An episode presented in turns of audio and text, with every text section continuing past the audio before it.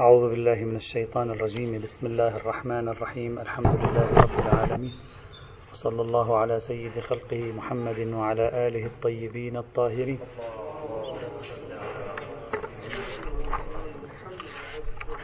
كنا نتكلم في الملاحق الأربع أو الأربعة التي آه، يكتمل من خلالها بحث حكم الحيوانات في باب الأطعمة والأشربة. تكلمنا عن حكم بيوض الحيوانات ثم تكلمنا عن حكم ألبان الحيوانات. ثم وصلنا إلى مخلفات الذبيحة. أو مستثنيات الذبيحة أو ما شابه ذلك. وقلنا في بحث مستثنيات الذبيحة يوجد أقوال كثيرة متعددة عند الشيعة عند السنة.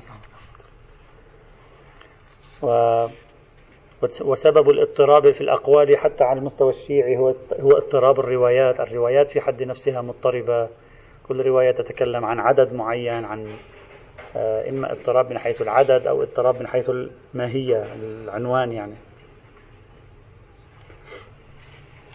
ذكرنا الرواية الأولى والرواية الثانية، الرواية الثانية كانت مرفوعة أبي يحيى الواسطي التي تتكلم عن موضوع الطحال وأن الطحال دم وأن الكبد ليس بدم. الطحال الذي هو مقبرة الخلايا الكريات الحمراء. علقنا هناك تكلمنا عن الموضوع. الرواية الثالثة وصلنا إلى هنا. نبدأ أولا نحلل الروايات على حدة فيما بعد سوف نتوقف عند مجموع هذه الروايات.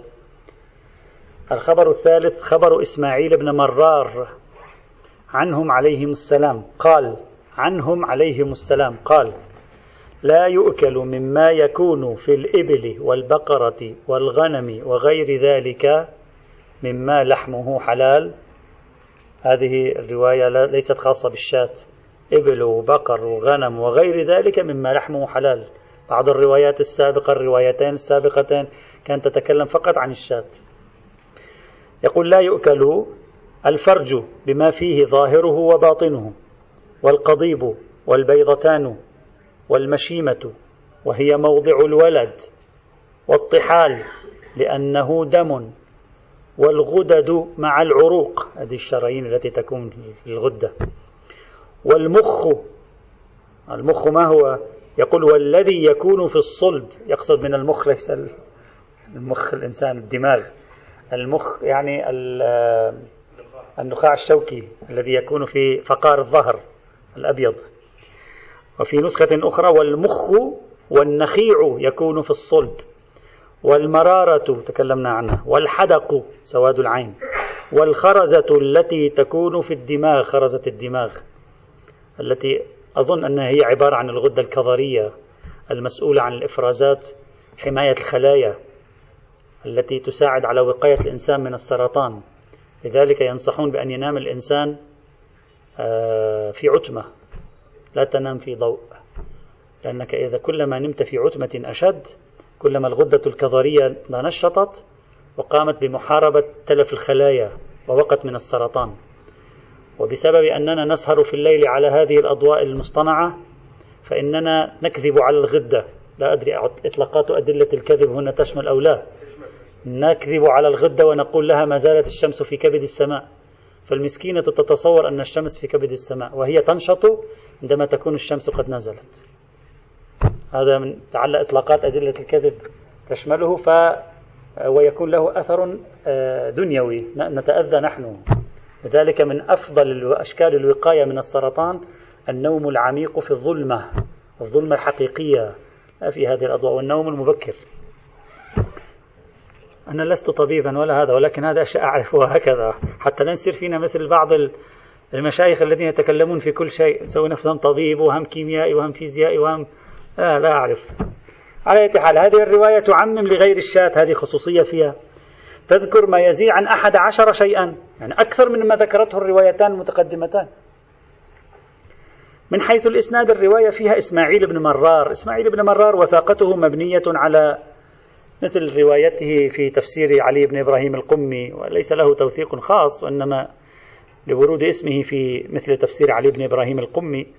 وبالتالي لم تثبت وثاقته. فضلا عن أنني أظن أظن أن هذا إسماعيل بن مرار هنا ماذا فعل؟ وصلته عدة روايات لا أدري هل هي كلها مسندة غير مسندة فجمعها في رواية واحدة. لاحظ معي ماذا يقول. يقول عنهم عليهم السلام قال. يقول عنهم قال. إما هو أو الآخرون. هو روى عدة روايات جاء من بعده شخص جمع رواياته وقال إسماعيل بن مرار له عدة روايات. قال وإلا شوية طريقة التعبير ليست منسجمة من الناحية الأدبية العربية. ربما. ولذلك ربما لضعف إسماعيل بن مرار وعدم ثبوت وثاقته وصف العلامة المجلسي هذا الخبر بأنه مجهول. طبعا وهذه الرواية هم أيضا تصف الطحال بأنه دم تصر على اعتبار الطحال دما.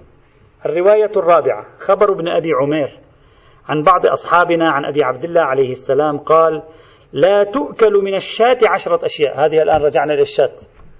ويسمي عشرة مرة يسمي خمسة مرة سبعة وكلها كأنما في مقام العد. يعني كأنما في إطلاق مقامي وهذا الذي جعل هناك تضاربا بين الروايات عند الفقهاء. لا تؤكل من الشاة عشرة أشياء.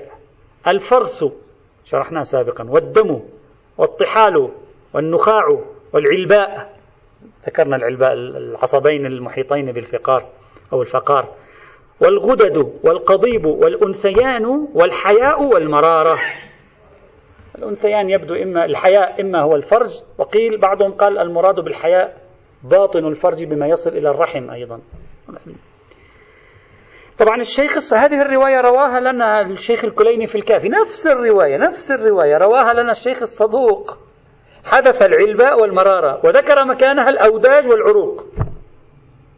وهذا أيضا من الاضطرابات التي نواجهها في هذه الروايات. ولذلك وصلت آراء العلماء هنا إلى أكثر من ثمانية آراء بسبب اضطراب الروايات في عملية العد ووضع شيء مكان شيء آخر. طبعا عند الشيخ الصدوق يذكر الرحم ويحذف الحياء بينما هنا لا يذكر الرحم ويذكر الحياء ولذلك بعضهم فسر الحياء هنا بمعنى الرحم حتى يحاول أن يوفق بين نقل الشيخ الصدوق للرواية ونقل الكافي للرواية بعينها. لا العلباء هي عبارة عن عصبين ليس كل العروق. الجسد فيه عروق كثيرة ليس هي بنفسها. فهذه الرواية أيضا من حيث عدد المحرمات تختلف من حيث اسم المحرمات تختلف. تختص بالشاة في نفس هذه الرواية بحسب نقل الصدوق اضطراب مع نقل الشيخ الكليني. هذا كله يجب أن نأخذه بعين الاعتبار. الرواية بطريق الشيخ الكليني فيها سهل بن زياد. أما بطريق الشيخ الصدوق ففيها أحمد بن محمد بن يحيى العطار القمي. وبعضهم يقول ليس صحيح أن نقول القمي لازم نقول القمي لأنه ما في تشديد على قم. يقولها بعضهم. يقول هذا خطأ شائع. نقول مثلا فلان القمي. قمي ما عندنا قمي. عربيا القمي. قم اسمه. وليس قمه. ليس اسم المدينة قمه. حتى نقول هو قمي. قم. فهو قمي. يجب أن يكون. على أي حال. أحمد بن محمد بن يحيى العطار القمي أو القمي. وهذا رجل مهمل جدا ليس لتوثيقه سوى ترضي الشيخ الصدوق عليه وقد بحثنا في موضوع تردي الشيخ الصدوق. نعم يوجد أيضا إضافة إلى ذلك إرسال ابن أبي عمير لأن إرسال ابن أبي عمير عن بعض أصحابنا وربما كما ذكرت محاولات بحساب الاحتمالات يمكن رفع إشكالية الإرسال هنا إذا ذكر عن كلمة بعض أصحابنا. وعلى أي حال فالرواية دلالاتها واضحة مع وجود اضطراب في نقليها ومفهومة وإسنادها بعضه باطل قطعا وبعضه فيه نقاش على المباني. الرواية الخامسة. خبر سهل بن زياد عن بعض أصحابنا وفي نسخة عن بعض أصحابه أنه يعني الظاهر أنه يعني كري أنه الإمام يعني مش سهل. أنه كره الكليتين. الكلية.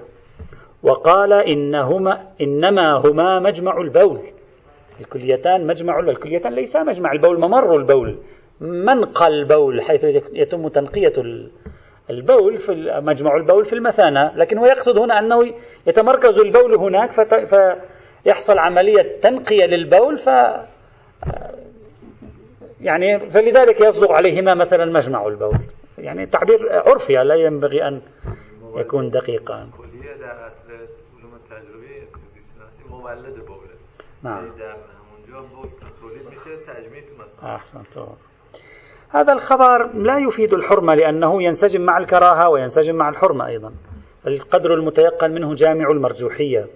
ولهذا نجد أن بعض الفقهاء حكم بكراهة أكل الكليتين بسبب هذا الخبر لأنه لا يفيد التحريم. ولا نكاد نعثر على شخص قال بتحريم أكل الكليتين إلا قليل. وسيأتي خبر عن محمد بن صدقة يؤكد كراهة أكل الكليتين أيضا.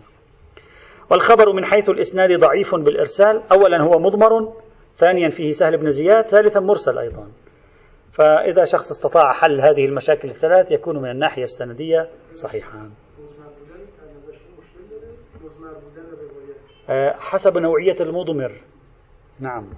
سهل بن زياد ليس من الأشخاص الذين يعني أكثر الإضمار بطريقة نستطيع أن نتنبأ وليس إضماره إضمار كتاب لا نعرفه لأن هذه من الحالات النادرة في روايته أن يكون هناك إضمار عنده بخلاف سماع زرعة عن سماع الرواية السادسة خبر مسمع.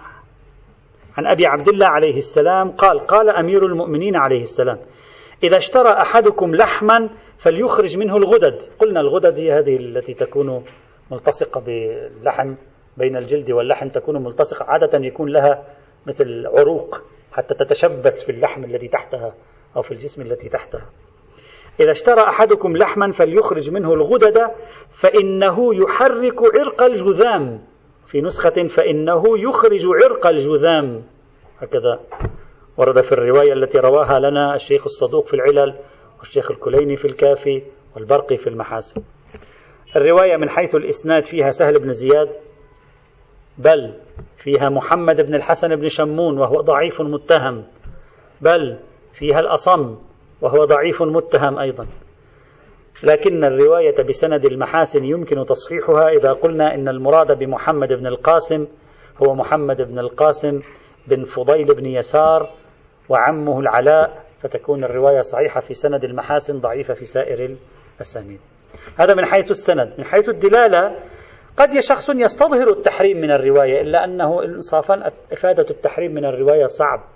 الرواية أشبه بالنصوص الطبية أشبه بنصوص التوجيهات الغذائية. الإنسان ماذا يفعل؟ لأنه ماذا يقول؟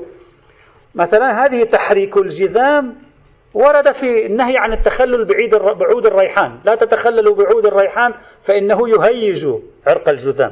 ورد أيضا لا تتخلل بقضيب الرمان فإنه يهيج عرق الجذام مثلا. تهيج عرق الجذام ليس مرض. يعني مثلا تقول لشخص لا تأكل مثلا من الشيء الفلاني يعني يهيج بعض الشيء في جسمك قد يعرضك في يوم من الأيام للمرض. لا ليس إشارة إلى أن هذا ملتصق بالمرض. ولذلك الناس تأكل ربما تأكل الغدد ولا تصاب 99% منهم لا يصابون بعرق الجذام. يعني أن يقول هذا من مهيجات عرق الجذام. لا أنه إذا أكلته فأنك على شرف أن تمرض أو يكون أنه, أنه لو أكلته يصدق على أنك مثلا مرضت نفسك أو أوقعت نفسك في تهلكة هذا بعيد أصلا. ولذلك تجد كثير من الناس يأكلون هذه الغدد بدون أي مشكلة يعني غير المسلمين على الأقل غير الشيعة. ونجد انتشار الجذام بينهم أندر نادر أيضا. ليست بالتحذير من شيء على شرف أن يقع حتى نقول هو ينهى عن شيء لأنه يلحق بك الضرر. وإنما هذه توجيهات طبية توجيهات السلامة العامة مثل اليوم على التلفزيون. يخرج بعض المتخصصون في مجال التغذية والسلامة العامة يقول مثلا لا يحسن مثلا أن تأكل الطماطة على على الريق مثلا فإنها مثلا عادة تقلص نسبة الكذا في جسدك. وهذا ليس مرض لا يعني أنه سيحصل مرض نتيجة ذلك إنما هي سنخ توجيهات لا أكثر ولا أقل. والملفت أكثر أن الرواية في متن المحاسن كيف جاءت؟ هكذا قال اتقوا الغدد من اللحم فلربما حرك عرق الجذام. ربما يعني نفس الرضا. يعني احتاطوا لهذه القضية. لا بأس أن تتركوها فإنها يعني ممكن أن تكون محركة لهذا العرق وربما في يوم من الأيام يلحقكم مرض الجذام مثلا آه، بشكل من الأشكال. على أي حال ما أفهمه من مثل هذه الرواية أنها ليست إلا إرشادات طبية وصحية من الأئمة عليهم السلام. بهدف مثلا احتياط الإنسان لسلامة بدنه لا أكثر ولا وليس فيها طابع قانوني أو فقهي أو شرعي أو ديني أو ما شابه ذلك. ومثل هذه الرواية كثير في أبواب روايات الطب والطعام وما شابه ذلك. ولم يفهم منها أحد في يوم من الأيام أحكاما شرعية أصلا. الرواية السابعة. خبر حماد بن عمرو وأنس بن محمد عن أبيه جميعا عن جعفر بن محمد عن أبيه عن جده عن علي بن أبي طالب عن النبي عليه السلام أنه قال في حديث طويل يا علي حرم من الشاة سبعة أشياء. وهذا أيضا في مقام العد. يعني يفهم أنه لم يحرم ثمانية. ولذلك تقع المعارضة مع الروايات الأخرى. يقول حرم من الشاة سبعة أشياء. الدم والمذاكير والمثانة والنخاع والغدد والطحال والمرارة. هذه الرواية واضحة من حيث الدلالة وصريحة. حرم. يحرم. مش أنه لا تأكلوا تجنبوا. مثلا لا حرم. صريحة الرواية. لكن كما رأينا أولا خاصة بالشاة هذه خلوها في بالكم لأن فيما بعد سوف نجري إحصاء شامل على هذه الروايات. خاصة بالشاة ثانيا عددها سبعة يختلف عن غيرها. ثالثا ما ذكرته يختلف عما ذكرته سائر الروايات أيضا. بينها مشترك وبينها ما هو مختلف في هذا السياق. إلا أن الخبر ضعيف في غاية الضعف سبق أن ذكرنا ذلك. قلنا هذه الرواية المشهورة رواية حماد بن عمرو وأنس بن محمد. ربما لا يسلم منها راو واحد ربما. كلهم مجموعة من المجاهيل الغرباء الذين لا نعرف عنهم شيئا. الرواية الثامنة.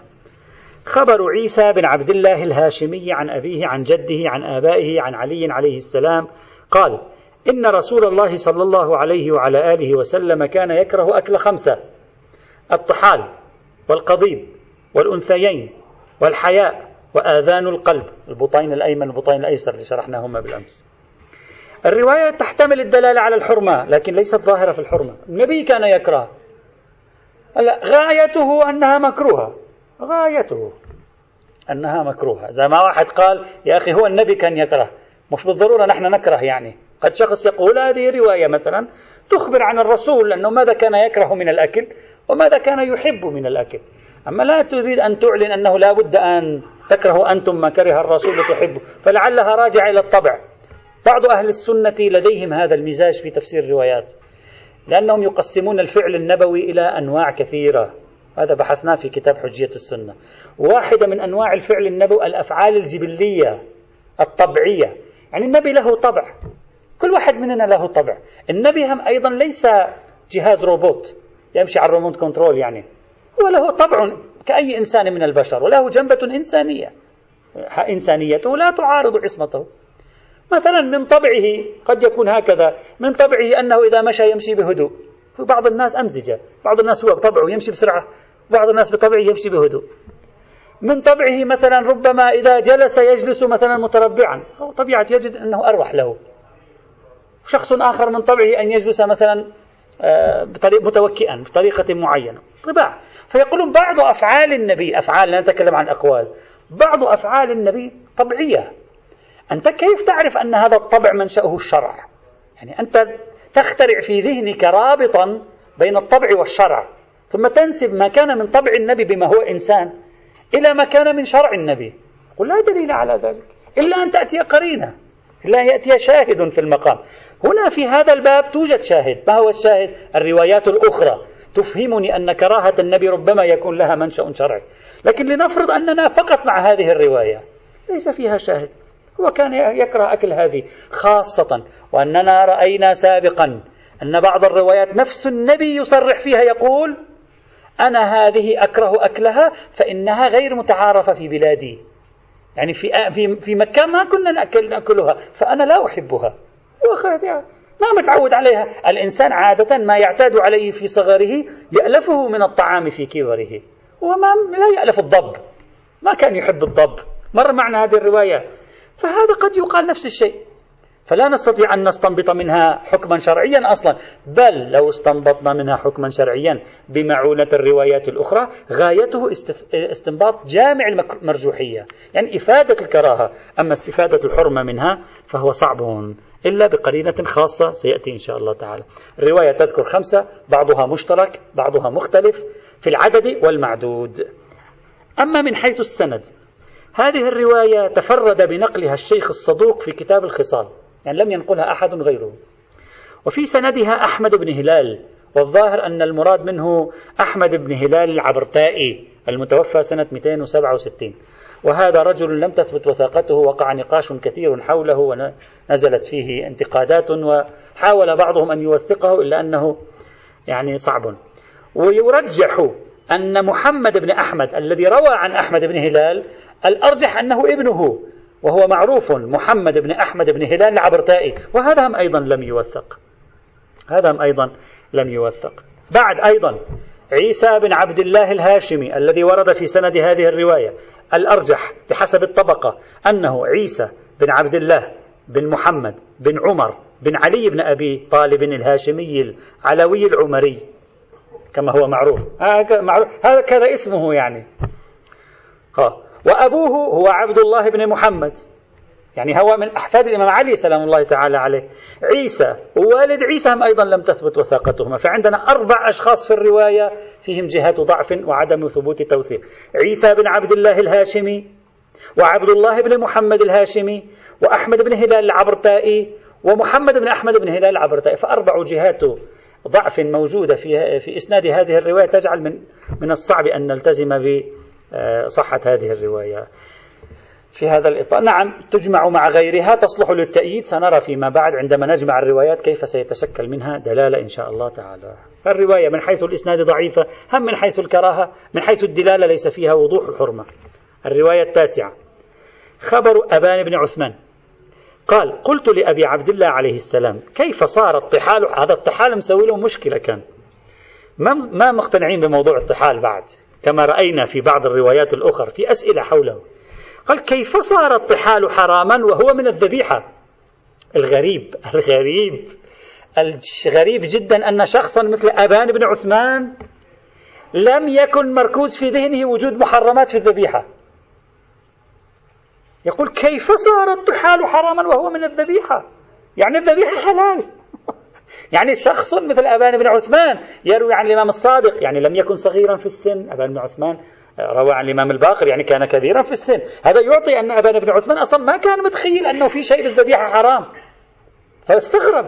سمع أن الطحال حرام وهو من الذبيحة ويجي الآن يسأل الإمام يقول له هذا غريب ليش حرام؟ ما الذبيحة حلال؟ ما من خطر في باله. نعم يسأل عن العلة لكن لاحظوا طبيعة سؤاله. يقول كيف صار الطحال حراما وهو من الذبيحة؟ يعني كأنما المركوز في ذهنه أن ما هو من الذبيحة حلال وأنه لا يوجد شيء حرام في الذبيحة. فكيف صار الطحال حراما؟ يعني يبدو وكأن المركوز في ذهنه عدم حرمة ما هو من الذبيحة. جاي يسأل عن الطحال الذي سمع أنه حرام. الآن الإمام يخرج له الطحال على أساس ماذا؟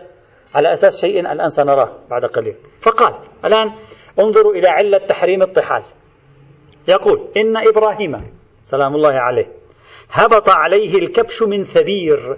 ثبير هو جبل بمكة. هو الرواية تقول وهو جبل بمكة جبل ثبير. الكبش هبط عليه من ثبير يعني نزل عليه من الجبل. ليذبحه. هبط مش يعني نزل من السماء. نزل من الجبل اهبطوا مصرا. مش نزلوا بالمظلات. حتى واحد يقول الإسلام أول من طرح موضوع المظليين مثلا. مثلا القوات العسكرية المظلية. لا اهبطوا يعني انزلوا تعبير النزول. لا اهبطوا يعني هذا نزل بمظلة مثلا. طيب. هبط عليه الكبش من ثبير وهو جبل بمكة ليذبحه. أتاه إبليس. هكذا تقول الرواية يريد يذبح الكبش. أتاه إبليس فقال له أعطني نصيبي من هذا الكبش. قال وأي نصيب لك وهو قربان لربي وفداء لابني؟ فأوحى الله تعالى إليه أن له فيه نصيبا وهو الطحال لأنه مجمع الدم. يقولون مجمع الدم فهذا نصيب الشيطان والرواية هكذا الرواية شوية, شوية تركيبتها فيها غرابة أشار إلى ذلك بعضهم لكن هكذا هي.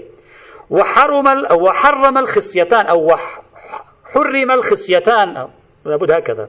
لأنهما موضع للنكاح ومجرى للنطفة. الخصيتان موضع النكاح ومجرى النطفة. ليش عبر بمجرى النطفة؟ لأن العرب في ذلك الزمان تعتقد أن النطفة تتكون في الصلب وأن الخصيتين ممر. لكن العلوم الحديثة الآن ماذا تقول؟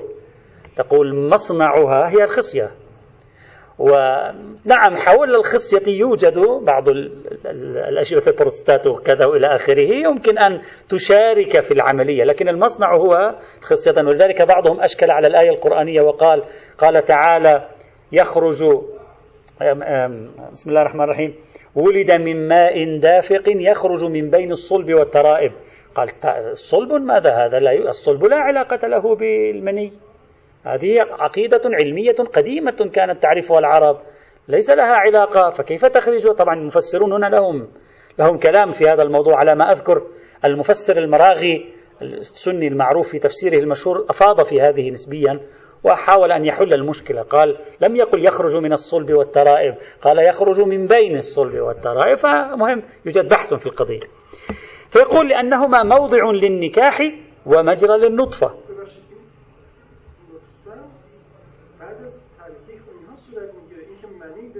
يعني يريد أن يقول النطفة نطفة الرجل. نعبر في اللغة العربية مثلا. يعني نطفة الرجل ماؤه على ما يريد الظاهر يعني. فأعطاه إبراهيم. أجا إبراهيم جاب الطحال والأنثيين وهما الخصيتان. قال فقلت فكيف حرم النخاع؟ ما زالت الأسئلة. قال لأنه موضع الماء الدافق من كل ذكر النخاع ما النخاع؟ يعني النخاع الشوكي. الآن قال له موضع الماء الدافق من كل ذكر وأنثى.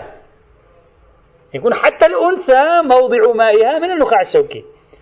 طبعا هذا يحتاج إلى بحث علمي الآن دراسات العلمية أبدا. لا أظن أحد يمكن أن يقبل بهذه الدعوة أن صار رجل مثلا لكن الأنثى موضع مائها من النخاع الشوكي. تحتاج إلى بحث. ماذا تقول العلوم الحديثة موقفها؟ أكاد أطمئن أنها ترفض هذا لكن هل رفضها ناتج عن دليل كذا؟ ما أعرف طبيعة الدليل. إذا قطع النخاع الشوكي إذا صار خلل فيه هو يصبح لا يستطيع أن ينجب. هو يصبح مشلول. معناه أن لا يستطيع أن ينجب يعني لا يكون هناك مني أو يصبح مشلولا. يصبح مشلول لأن النخاع الشوكي هو الواسطة العصبية التي تعطي أوامر عصبية إلى القدمين إلى الجسد. أما أنه لا يخرج منه ماء لا أعرف. أنا لست خبيرا علميا. أما أنه لا يخرج منه ماء لا أدري. على أي حال. فيقول لأنه موضع الماء الدافق من كل ذكر وأنثى وهو المخ الطويل الذي يكون في فقار الظهر. قال أبان ثم قال أبو عبد الله يكره من الذبيحة عشرة أشياء منها الطحال والأنثيين والنخاع والدم والجلد والعظم والقرن والظلف والغدد والمذاكير. إلى آخر الرواية. إذا هذه الرواية التي نقلها لنا الشيخ الصدوق تفرد بنقلها الشيخ الصدوق في كتاب العلل وفي كتاب من لا يحضر الفقيه واضحة في تحريم الطحال واضحة في تحريم الخصيتين وفي النهاية يقول يكره من الذبيحة يعني جامع المرجوحية وإن ذكر من ضمنها الدم مثلا. فالرواية من حيث الدلالة تحرم الطحال الخصيتان أو الخصيتين والنخاع. أما غيرها فالقدر متيقن منه الكراهة.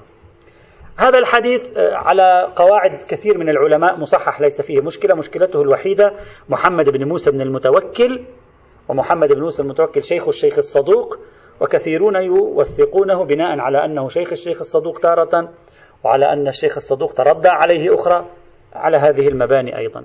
ويوجد طريق آخر لهذه الرواية ورد فيها عبد الرحيم القصير وأيضا الأغلبية لا توثق عبد الرحيم القصير لكن على أي حال هذا هو الموجود. الرواية العاشرة. حديث الأربعمائة المعروف مر معنا سابقا. قال علي عليه السلام ولا تأكلوا الطحال فإنه ينبت الدم الفاسد. وفي نسخة بيت الدم الفاسد. ينبت الدم الفاسد وفي نسخة بيت الدم الفاسد. الظاهر أن المراد بيت لأن الطحال لا ينبت الدم الفاسد. هو بيت الدم هو الطحال من الناحية العلمية مقبرة خلايا الكريات الحمراء. يعني هناك المقبرة تكون لأن الخلايا الكريات الحمراء تعيش فترة معينة ثم تموت. فعندما تموت تقبر هناك وهناك مقبرة جماعية هي ما نسميه نحن بالطحال. يعني الكريات الحمراء كلها موتى وفيات الكريات الحمراء تكون عادة في آه، الطحال. هكذا. لذلك عبر ببيت الدم الفاسد. ليس ينبت ولا ينبت. يعني نستطيع أن نرجح تعبير بيت الوارد في إحدى النسخ بهذه القرينة. نعم هي التي تعطي اللون الأحمر ل نعم. طبعا ليس فقط تعطي اللون لها نشاط أيضا. ولا تأكل الطحال فإنه بيت الدم الفاسد ولا تلبس السواد فإنه لباس فرعون. هذه الرواية تنهى عن أكل الطحال معللة بأنه ينبت الدم الفاسد والأصح أنه بيت الدم الفاسد على الأرجح يعني. الرواية فيها الحسن بن راشد فيه نقاش بعضهم يوثقه على أساس تفسير القم وورود في أسانيد كامل الزيارة. سابقا قلنا رواية الأربعمائة مشكلتها الأساسية الدلالية أنها رواية فيها أربعمائة موضوع. تكاد 300 350 منها معلومة الكراهة. يعني معلوم أنها ليست حرام ولا واجبة. فما في ظل سياق رواية فيها أربعمائة شيء أغلبيتها معلومة الكراهة أو الاستحباب. يصعب حينئذ استصدار الحرمة أو الوجوب من غيرها إلا بقرينة من الخارج حينئذ. فإذا انضمت الروايات الأخرى لا بأس. أما إذا بقينا معها لوحدها صعب استنتاج الحكم الإلزامي هنا. الرواية الحادية عشرة. صحيحة محمد بن مسلم. قال أقرأني أبو جعفر عليه السلام شيئا من كتب علي. فإذا فيه أنهاكم هذه مرت معنا الرواية سابقا. أنهاكم عن الجر والزمير والمرماه والطافي والطحال. مرت معنا هذا تذكرون. والرواية واضحة في النهي. وسندها معتبر. الرواية الثانية عشرة معتبرة سماعة. عن أبي عبد الله عليه السلام أيضا هذه مرت معنا. قال لا تأكل الجريثة ولا المرماه ولا طافيا يعني سمكا طافيا. ولا طحالا لأنه أي الطحال بيت الدم ومضغة الشيطان. لا, لا أدري ما المراد بمضغة الشيطان. لعلها ترجع إلى قصة إبراهيم. لعلها تكون إشارة لكن بيت الدم واضح ما هو المراد منه. الرواية من حيث الإسناد واضحة من حيث الدلالة أيضا واضحة. الرواية الثالثة عشر خبر محمد بن مسلم عن أبي جعفر قال لا تأكل الجر ولا الطحال. وهذه الدلالة واضحة. السند فيه كلام وإن كان أظن بأن هذه الرواية هي بعينها الرواية الحادية عشرة التي قرأناها قبل قليل والعلم عند الله. الرواية الرابعة عشرة خبر الحلبي قال قال أبو عبد الله أيضا مرت معنا. لا تأكل الجر ولا الطحال فإن رسول الله كرهه. الرواية أيضا صحيحة الإسناد عند المشهور الدلالة أيضا واضحة. الرواية الخامسة عشرة خبر محمد بن صدقة. قال حدثنا موسى بن جعفر عن أبيه عن محمد بن علي قال كان رسول الله صلى الله عليه وعلى آله وسلم لا يأكل الكليتين من غير أن يحرمهما. هو لا يأكل. لماذا لا يأكل؟ قال لقربهما من البول. يعني بالنهاية البول أصلا البول مربوط بالكليتين كما هو واضح. فلذلك كان يكرهها النبي. الآن كراهة النبي كراهة شرعية علتها القرب من البول. أو كراهة النبي كراهة عرفية طبيعية علتها أيضا القرب من البول. هذا الرواية لا تتكلم عنه. نحتاج إلى سائر الروايات حتى ترشدنا إلى شيء في هذا الموضوع. هذا الحديث من حيث الإسناد. تعبان يعني مع الأسف. فيه الحسين بن علي بن زكريا وهو رجل كذاب وضاع. والأرجح أنه هو نفسه الحسن بن علي بن زكريا البصري العدوي المتهم أيضا.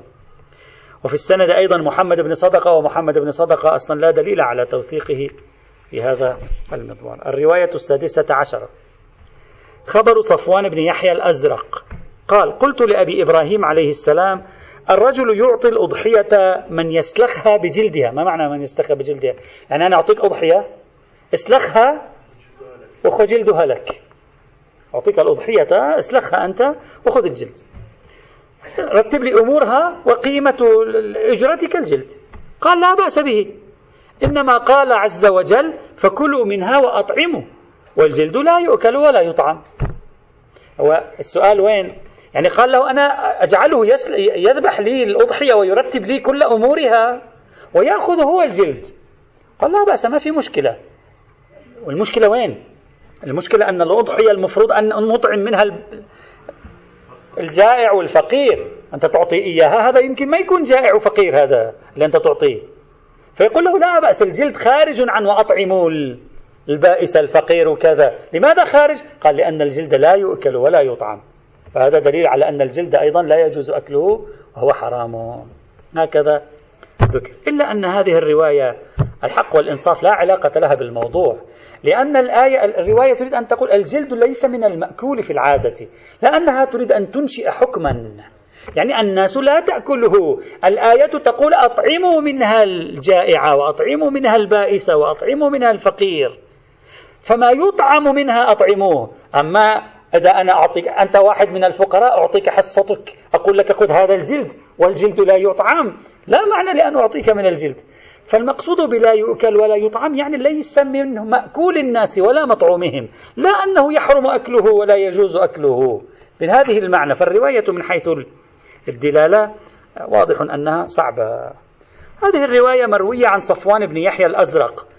وغالب الظن أن في السند خطأ. الصحيح أنه صفوان بن يحيى عن يحيى الأزرق. معنى واحد اسمه صفوان بن يحيى الأزرق. الصحيح أن الرواية بحسب الطبقات مروية عن صفوان بن يحيى الثقة عن يحيى الأزرق. ويحيى الأزرق هو يحيى بن عبد الله بن عبد الرحمن الأزرق وهو ثقة. وليس هو يحيى بن حسان الأزرق مجهول الحال بحسب الطبقة. فالرواية من حيث الإسناد ليس فيها مشكلة يمكن تصحيحها رغم أنه لا يوجد شخص اسمه صفوان بن يحيى الأزرق.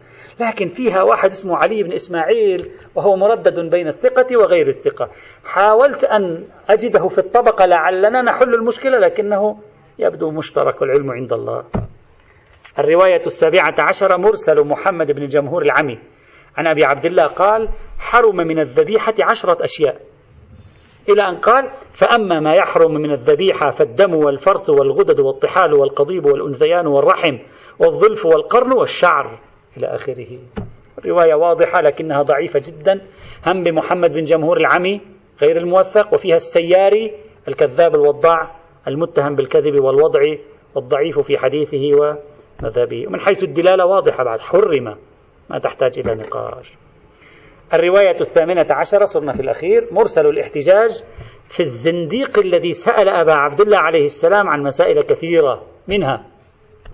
طبعا الزنادقة إحنا نسميهم الزنادقة في أدبياتنا الإسلامية. هم جماعة غالبهم يعني أنا لا أريد أن لا أريد أن أدافع عنهم أريد أن أوصفهم. من خلال أسئلتهم تعرف من هم الزنادقة. كثير أو فئة على الأقل من زنادقة القرن الثاني الهجري والثالث الهجري هم أشخاص لهم نزعات عقلانية.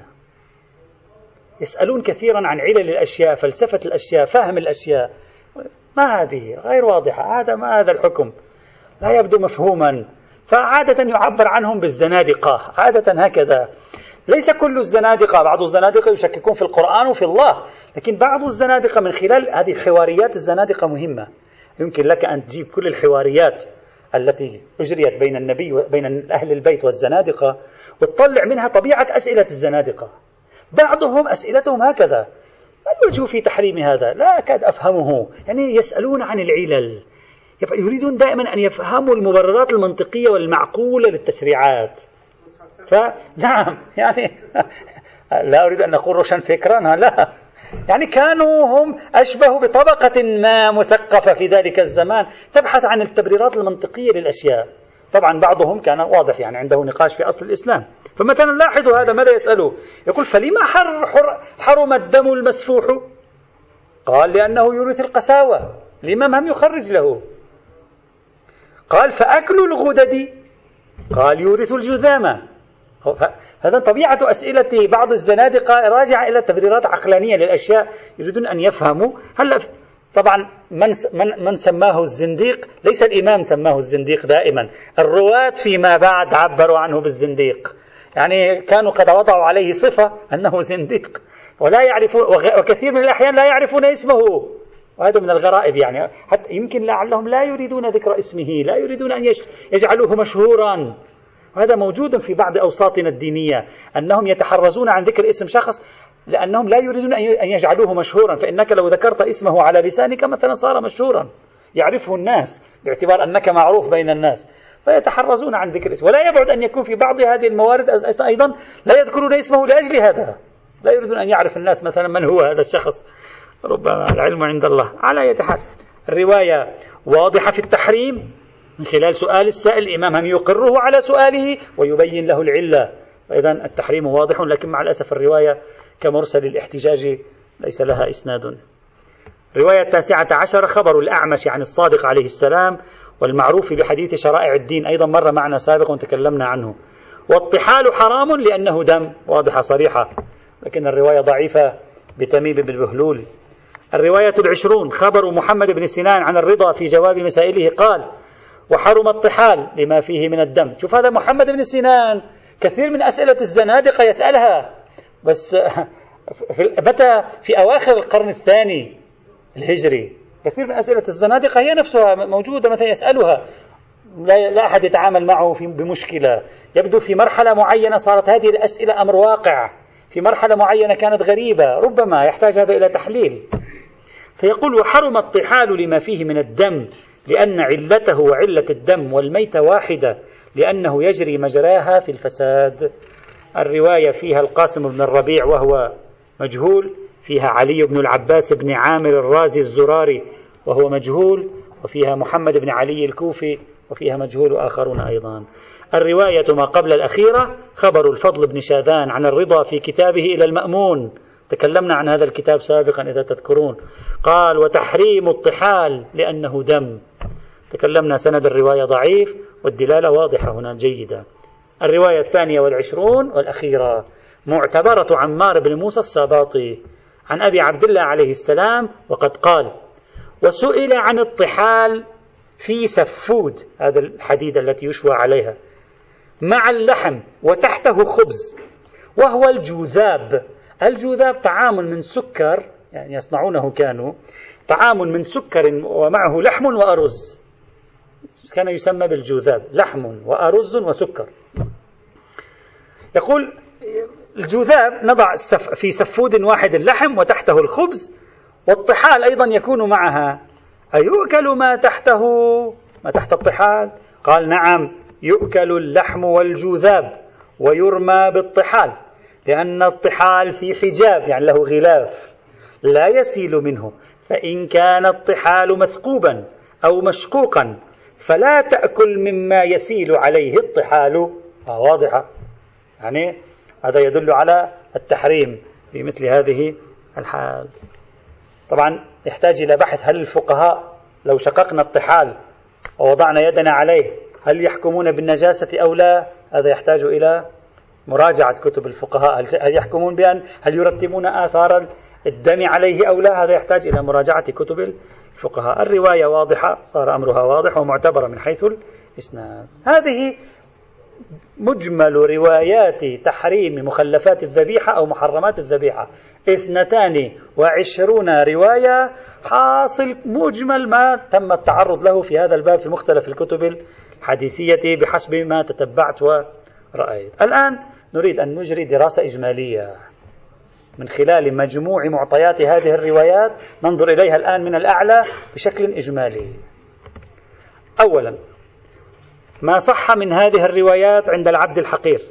ثلاث روايات وهي صحيحة محمد بن مسلم رقم 11 معتبرة سماعة رقم 12 معتبرة الساباطي رقم 22 ويمكن يمكن تصحيح أيضا خبر أبان بن عثمان رقم 9 وخبر محمد بن مسلم الآخر رقم 13 يعني يمكن قريب من الصحيح خلينا نعبر عنه.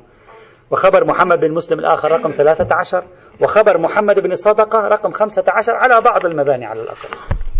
أما عند المشهور أزيد لكن ليس بكثير تقريبا ثمان روايات عند المشهور من مجموع هذه الروايات ال 22 والبقية كلها على ما هو المسالك المشهورة ضعيفة من حيث الإسناد.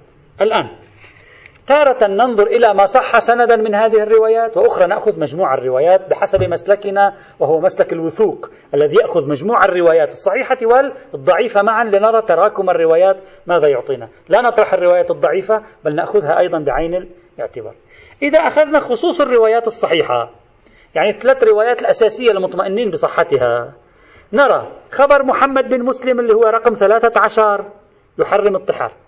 خبر أبان بن عثمان رقم تسعة يحرم الطحال والأنثيين والنخاع. خبر محمد بن صدقة فقط يرى كراهة الكليتين.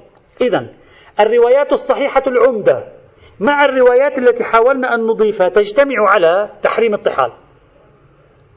إن الروايات الصحيحة تكاد جميعا تجتمع وتلتقي على تحريم الطحال. هذا القدر المتيقن منها. وتضيف رواية واحدة يمكن تصحيحها تضيف الأنثيان والنخاع. أما الكليتين فقط كراهة.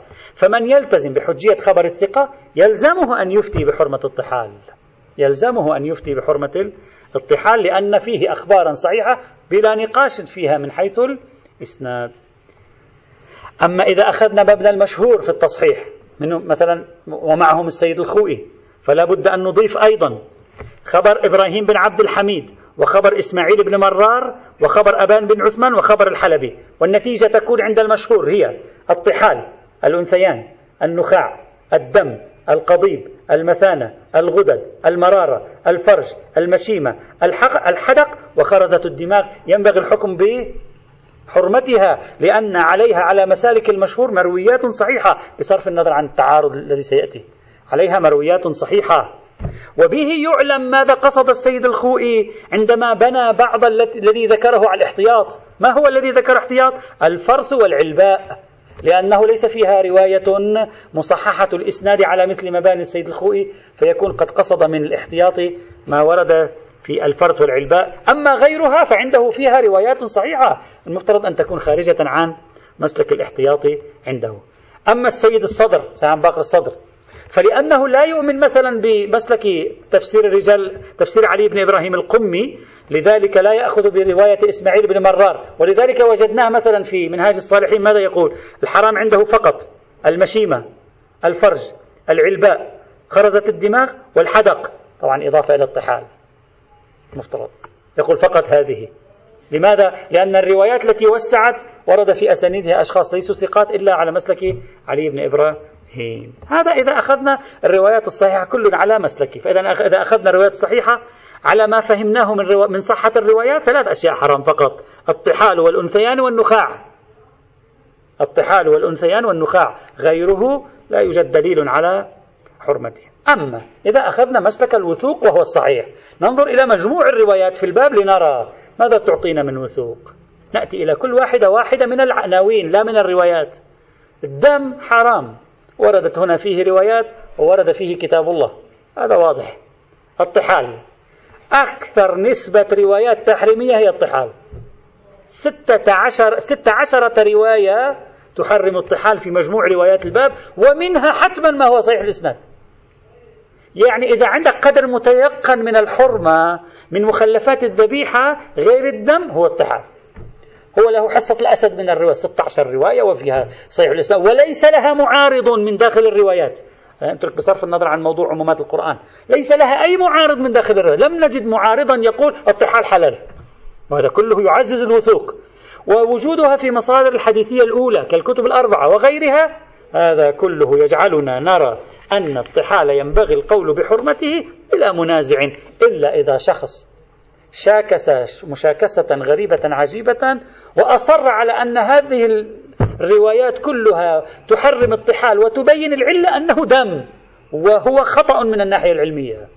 ويقول أنا كل هذه الروايات لا أؤمن بها. إذا واحد يعني أخذته المشاكسة إلى هذا الحد كل هذه الروايات يصبح عنده في عنده نقد متني عليها ويراها خطأ أو يقول أهل البيت كانوا يبنون بناء على مسلك. يبنون على أن هذا كانوا يتصور أنه دم فبنوا الحرمة على ما كان موجودا في ذلك الزمن وهو الدم. وبالتالي اليوم لا نقول بالحرمة. فإذا شخص شاكس نعم.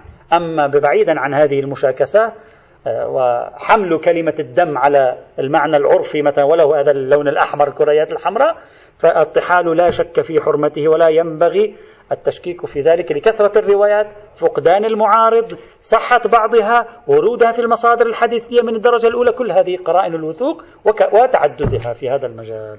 إذا الدم حرام الطحال حرام.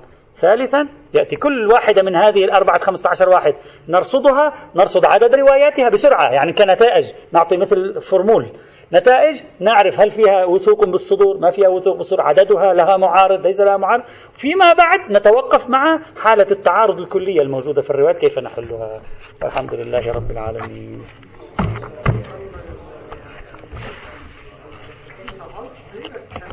على بالي عليها.